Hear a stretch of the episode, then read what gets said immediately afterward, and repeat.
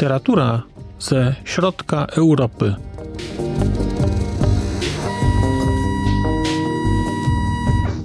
Podcast około książkowy. Dzień dobry Państwu. Witam w kolejnym odcinku podcastu około książkowego Znak litera człowiek.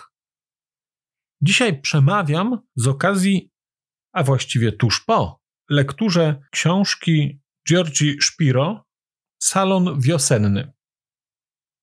Jest to książka, która w Polsce ukazała się nakładem wydawnictwa Czytelnik w roku 2016. Było to kilka lat po premierze węgierskiej tej książki, która to na Węgrzech ukazała się w roku 2010. Polski przekład został przygotowany przez panią Irenę Makarewicz, i dodajmy, że pani Irena Makarewicz przygotowała nie tylko przekład, ale także opatrzyła tę książkę przypisami i objaśnieniami. I są książki, w których przypisy i objaśnienia odgrywają rolę mniejszą, a to jest książka, w której te przypisy i objaśnienia odgrywają rolę istotną i bardzo wpływają na jakość lektury, na pozytywną jakość lektury. Zastanawiam się, jak zacząć opowieść o tej książce. I wydaje mi się, że opowieść o tej książce najłatwiej chyba byłoby zacząć pierwszym zdaniem z innej książki. Ktoś musiał zrobić doniesienie na Józefa K.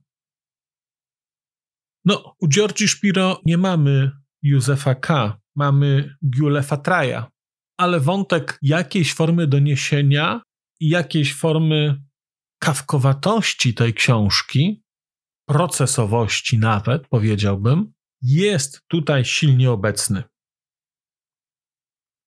Nie jest to jednak w żadnym stopniu jakieś przepisanie kawki. Jest to inna książka, ale wątki kawkowskie mocno eksplorujące.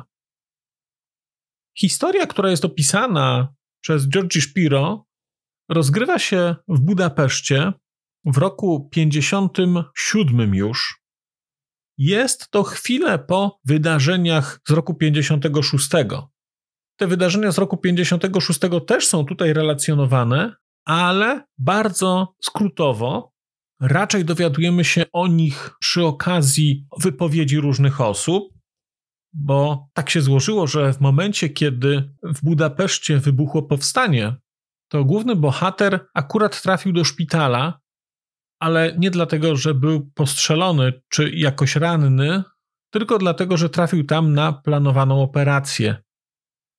Miał bowiem operowane hemoroidy.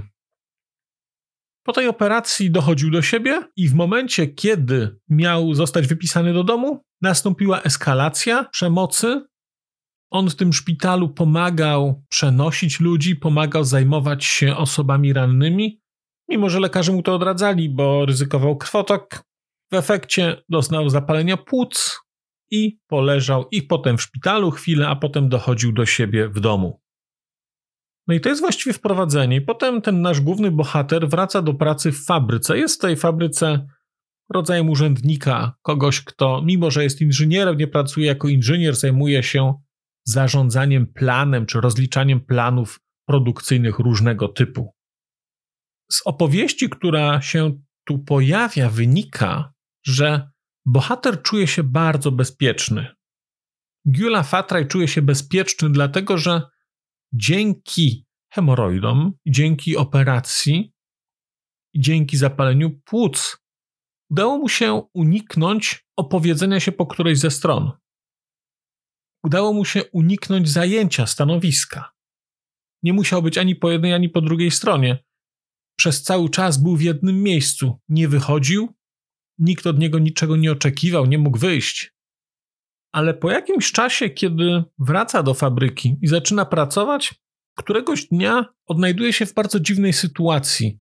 Sytuacji, w której ludzie od niego się odwracają, w której on sam nie potrafi się odnaleźć, w której jest w jakimś stopniu upokarzany, no i zaczyna się próba jego odpowiedzi sobie na pytanie, co się stało i dlaczego tak jest. I wydaje mi się, że już dosyć dużo powiedziałem o fabule tej książki i nie powiem więcej już nic, bo to, co powiedziałem do tej pory, nie popsuję Państwu lektury, bo te wydarzenia następują dosyć szybko po sobie. Natomiast gdybym rozwijał to dalej, to lekturę bym już Państwu popsuł. Ta kawkowskość pojawia się właśnie w tym momencie, kiedy główny bohater nagle okazuje się, że jest poza jakimś nawiasem, próbuje z tym coś robić i właśnie, czy mu się to udaje, to Państwo zobaczycie sami. Mam nadzieję, jeżeli zdecydujecie się czytać Salon Wiosenny Georgi Szpiro.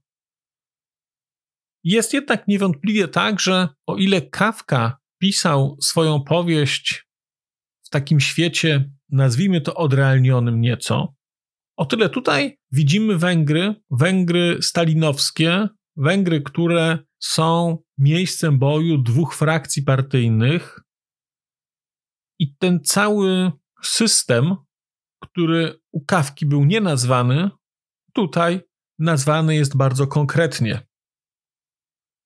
Nie wiemy, kto złożył doniesienie.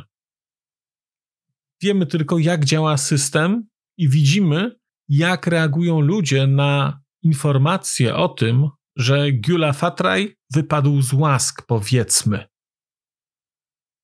Bardzo mi ta książka odpowiadała, muszę przyznać. Bardzo mi ta książka odpowiadała. Czekałem na taką książkę. Na książkę, która pokaże ten rok 56 i 57 w tym przypadku w nieco inny sposób. Pokaże to, co działo się później, a jednocześnie pokaże więcej niż jedną stronę tego konfliktu. No i tutaj taki właśnie nieoczywisty ogląd roku 56 mamy.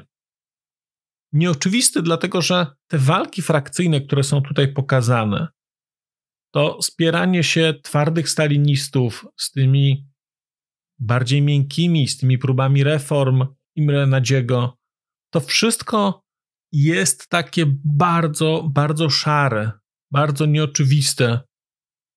Trochę to są takie wybory między dżumą a cholerą momentami i poza oczywistym powiedzeniem sobie, po której stronie byśmy stali, czy warto było stać, czy po której stronie była prawda, to czasami jest tak, że ta strona nie dochodzi do głosu, tam są wybór tylko między złem i drugim złem. Geralt mówił, że w sytuacji między złem a złem on woli nie wybierać w ogóle, ale czasami jest taka sytuacja, że życie za nas wybiera. Poza historią Giuli Fetraja mamy też historię taką poboczną, właściwie równoległą, jego żony. Jego żona pracuje przy organizacji wystawy malarstwa, która nazywa się Salon Wiosenny. Jest to wystawa, na której prezentowane będą obrazy węgierskich malarzy. No i jak można się domyślać, ta wystawa jest także elementem rozgrywki politycznej pomiędzy zwolennikami socrealizmu, doktryny socrealistycznej w malarstwie, a klasycznymi formalistami malującymi kwadraty, kółka, rąby, rzeczy, gdzie nie do końca widać czasami twarze. Tutaj też jest pokazane to przeciąganie liny. Też są pokazani jedni i drudzy. Na dodatek jest tutaj ciekawie pokazane środowisko artystyczne węgierskie i to, co się tam rozgrywało, jak funkcjonowali tam twórcy wizualni. Na dodatek jest to też pokazane w nieco krzywym zwierciadle, jak funkcjonowały Węgry na styku z Austrią na przykład. Tam też są takie wątki. Ale wydaje mi się, że w tym momencie wspomniałbym o roli przypisów i objaśnień w tej książce. Bo z jednej strony jest to historia, która jest historią fabularną, z drugiej strony występują tutaj postacie historyczne i zdarzenia historyczne. Dostajemy więc coś w rodzaju, bo ja wiem, serialu Rzym, gdzie na zdarzenia historyczne realne nałożona jest historia jakichś ludzi. Tutaj osoby, główni bohaterowie są fikcyjni, ale sytuacje pokazane w książce są realne. I oczywiście dla kogoś, kto nie interesuje się kulturą Węgier. Jeżeli, jeżeli ktoś nie jest hungarystą i nie zajmuje się szczegółową historią XX wieku, a konkretnie drugiej połowy w Europie Środkowej, to wydaje mi się, że duża część tej książki mogłaby być nieczytelna albo niezupełnie czytelna. Natomiast dzięki doskonałym przypisom i objaśnieniom, bo to nie są tylko przypisy, to są także objaśnienia wprowadzające w kontekst, czyta się tę książkę bardzo, bardzo dobrze. Bo mimo, że wydawało mi się, że znam jakoś kulturę i historię drugiej połowy XX wieku w tej części Europy, to ta książka po raz kolejny przekonuje mnie, że jednak to jest tylko moje mniemanie o tym. Znakomita jest to robota pani Ireny Makarewicz. Tych przypisów nie ma dużo. To nie jest tak, że na każdej stronie znajdziecie Państwo połowę strony objaśnień. Natomiast z tyłu książki jest appendix.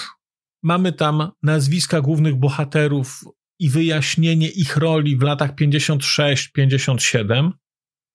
Mamy odniesienia czy wyjaśnienia sytuacji, które mogą być dla polskiego czytelnika niejasne w kontekście właśnie tych walk frakcyjnych w ramach władz węgierskich. No i do tego są te wyjaśnienia związane z szeroko rozumianą kulturą. Przez co, mimo że książka dotyczy obszaru niespecjalnie oczywistego, to czyta się na tyle dobrze, że rozumie się, co się tutaj dzieje. No zwłaszcza, że historia, którą opisuje Georgi Szpiro, ma taki walor uniwersalności, w szczególności w części środkowej Europy. Wydaje mi się, że te historie, które są tutaj pokazane, te zjawiska, te procesy, były obecne w każdym kraju w tej części Europy, różniły się szczegółami, różniły się stopniem terroru, stopniem grozy, stopniem absurdu. Natomiast wszyscy te rzeczy znamy, wszyscy tych rzeczy doświadczaliśmy jako kraje, jako narody, bo nieśmy jako ludzie, gdyż przynajmniej mówiący te słowa miałem szczęście życia w komunizmie, który był już raczej żałosny i zabawny niż straszny. Kiedy Węgrzy rozliczają się ze swoją przeszłością, a Georgi Szpiro tutaj rozlicza się z przeszłością Węgier, to tam jest znacząco więcej do rozliczenia niż się może wydawać. Mamy bowiem w tej książce odwołania do Republiki Rad. To jest okres na początku lat dwudziestych, kiedy rzeczywiście na Węgrzech powstało coś na wzór państwa komunistycznego i przez jakiś czas funkcjonowało.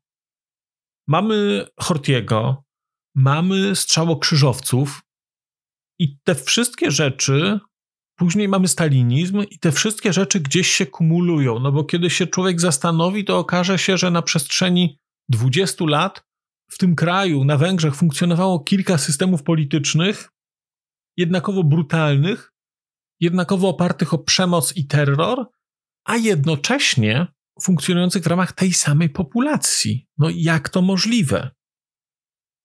No i Georgi Szpiro pokazuje, jak to możliwe. Tutaj bohaterowie tej książki toczą rozmowy na temat tego, co znaczy być Węgrem. To są rozmowy, to są też refleksje bohaterów wewnętrzne, co znaczy być Węgrem, co ich definiuje. I są tutaj bardzo, bardzo gorzkie refleksje na temat węgierskości, na temat historii, która ten kraj i tych ludzi ukształtowała. No i to jest coś, czego szukałem. Ja bardzo lubię takie rozdrapywanie ran, trochę wyciąganie sobie takich nieprzyjemnych rzeczy, bo wydaje mi się, że po tym poznaje się w jakimś stopniu odwagę intelektualną narodu, że jest w stanie się mówić o świństwach, które robiło się w przeszłości i być może odnaleźć ich echa w tym, co dzieje się obecnie. No i George Shapiro też tutaj bardzo ciekawie pokazuje, do jakiego stopnia sytuacja, w której znajdują się Węgrzy, zachowanie ludzkie jest pokłosiem funkcjonującego na Węgrzech niewolnictwa, które w tej części Europy nazywało się pańszczyzną. I on bardzo brutalnie, bardzo brutalnie, ale mam wrażenie, że bardzo konkretnie i szczerze pisze tak. Życie na wsi też musiało być okropne. Wystarczy pomyśleć o historiach, którymi jego rodzice i rodzice Kati uzasadniali swoją ucieczkę do miasta. Jednak okropni rodzice Kati i na Ujpeszcie żyli tak, jak tam, skąd przybyli. Chłop egoistycznie zainteresowany jest zdobywaniem. Świat pojmuje jako statyczny, ale to i tak nie jest najgorsze. To, co jest nie do zniesienia, to życie na sposób pańszczyźniany. Byt pańszczyźniany przejawia się w burzeniu, obojętności, w nigdy niedopatrzeniu w oczy, w braku minimalnego przewidywania, w marnowaniu, w zaskorupieniu w ciemnocie. Chłop wolny uśmiecha się przymilnie, chłop pańszczyźniany chytrze szczerzy zęby w nienawiści, jak powiedział kiedyś jego ojciec. Chłop pańszczyźniany nie widzi wyjścia, nie szuka go, nie brakuje mu go. Pozbawiony przyszłości, czeka na rozkaz. Zarzuconą kość wierny jest jak pies. Kto myśli choć trochę inaczej, kto w czymkolwiek zgrzeszy przeciw zwyczajom, tego ukamieniują. Trzeba by wielu, wielu pokoleń samoświadomego robotniczego bytu, by przyćmić tę kołtuńską, nieuświadamianą, ogromną amoralność. Lamentują inteligenci, uszczęśliwiający lud oświeceniowcy, że ich nauczanie ma niski stopień skuteczności. Lud z niczego nie wyciąga wniosków, doświadczeń poprzedniego pokolenia, nie przejmuje pokolenie następne. Chcą szerzyć kulturę, wrażliwość na piękno, idealizują lud, a i sami chcą być synami ludu. Ci beznadziejnie idealistyczni inteligenci. On też chciał być synem ludu, pomylony narodnik. Nie rozumieją, że lud nauczył się, i to nawet bardzo dobrze, tego, co miał do nauczenia, skoro każdemu nowemu pokoleniu to właśnie ciskają w twarz. A nawet gdyby lud zapomniał, nauczy się na nowo, że władza należy do tego, kto ma broń. Temu musi się człowiek poddać, kłaniać do ziemi, błagać o łaskę, o chwilową ulgę, o okruchy władzy, kimkolwiek by ten rządzący był. Tatarem, Turkiem, Niemcem, Rosjaninem, Żydem, Szwabem, Rumunem, Serbem czy Węgrem, czy byłby księciem czy hrabią, marynarzem na koniu czy sekretarzem Komitetu Centralnego Partii, podoficerem czy sierżantem, komisarzem czy pomocnikiem robotnika. Z kogo zaś ten najlichszy dzierżyciel władzy jest łaskaw szydzić, tego trzeba wyśmiać, nawet jeśli to nasza matka. Ten lud nie zna ironii, za to znakomicie rozumie szyderstwo. Trzeba przemawiać do niego językiem przemocy. Innego języka nie zna, a jeśli odezwać się do niego w sposób miły, zwęszy słabość i ugryzie. Kto nie wrzeszczy, tego stratują. Ten moczarowaty świat to czysta zawiść. Skrywają się w nim pod powierzchnią wody i donoszą na każdego, kto częściej niż raz na godzinę złapie oddech przez trzcinkę. Nienawidzą wszystkiego, co oprócz nich jest żywe, czy to roślina, zwierzę, czy człowiek. To pokrętne, chytre, zabobonne dusze. Powiedzą im, kto jest czarownicą, kto rzuca urok i tego zatłuką. Wywęszą ukryte pragnienie rządzącego, wepchną mu do łóżka własną matkę, żonę, córkę i podczas gdy oni będą tę kobietę rżnąć, własnymi językami glansować będą mu buty pod łóżkiem. Tego uczył się ten lud przez tysiąc lat. I to jest wiedza prawdziwa, a nie jakieś strzępy mętnych, doraźnych idei i zasad. No i przyznam, że czytając te słowa nie wiedziałem, czy czytam o Węgrzech, czy czytam o Polsce. Bo Europa Środkowa jest jedna, upadlanie ludzi przez wieki jest jedno, i ta refleksja Szpiro, której nie spodziewałem się znaleźć w tej książce, zupełnie się jej nie spodziewałem, jest, wydaje mi się, zaskakująco trwała i zaskakująco prawdziwa. Jeżeli jednak spodziewalibyście się Państwo, że ta książka jest w całości taka głęboko smutna, to po części będziecie Państwo mieć rację, bo wnioski, które ta książka prezentuje, są niewesołe. Ale jednak ta książka jest szalenie ironiczna, a momentami, zwłaszcza pod koniec, ociera się o komizm. Dlaczego? No, chyba dlatego, że pewne rzeczy w ramach systemu komunistycznego funkcjonowały tak, jak funkcjonowały. I zostawię Państwa w tym miejscu. Zostawię Państwa w tym miejscu po to, żebyście spróbowali przeczytać Salon Wiosenny. Bo to jest bardzo interesująca lektura. To jest książka, która z jednej strony nawiązuje do, mocno do historii literatury. Z drugiej strony jest opowieścią o kraju, który jak mało który kraj w Europie Środkowej jest Polakom bliski na poziomie mentalności, na poziomie historii, na poziomie struktur społecznych, a nawet na poziomie tego, co wydarza się w tym kraju współcześnie. Więc bardzo, bardzo Państwa zachęcam do przeczytania salonu wiosennego, bo to jest książka, która z jednej strony jest książką o Węgrzech, ale mam wrażenie, że jest książką także o innych narodach środkowej Europy i w zaskakująco dużym stopniu jest także książką o Polsce. Bardzo Państwu dziękuję za spotkanie dzisiejsze. Zachęcam do różnych form interakcji z mówiącym te słowa. Powrócę do Państwa wkrótce, a tymczasem mówię do usłyszenia.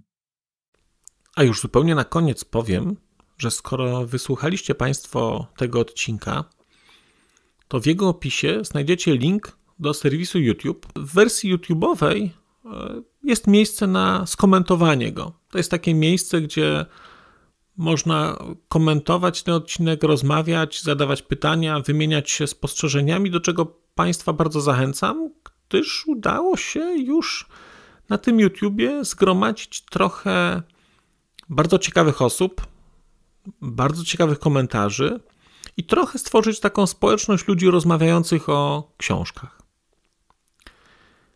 Też na koniec, zupełnie na koniec, e, poproszę Państwa o wystawienie oceny mi w ramach e, tych platform podcastowych, na których Państwo tego odcinka wysłuchaliście. I nieważne jaka ta ocena będzie, istotne dla mnie po prostu, że będzie. Tymczasem się żegnam już naprawdę i do usłyszenia za czas jakiś.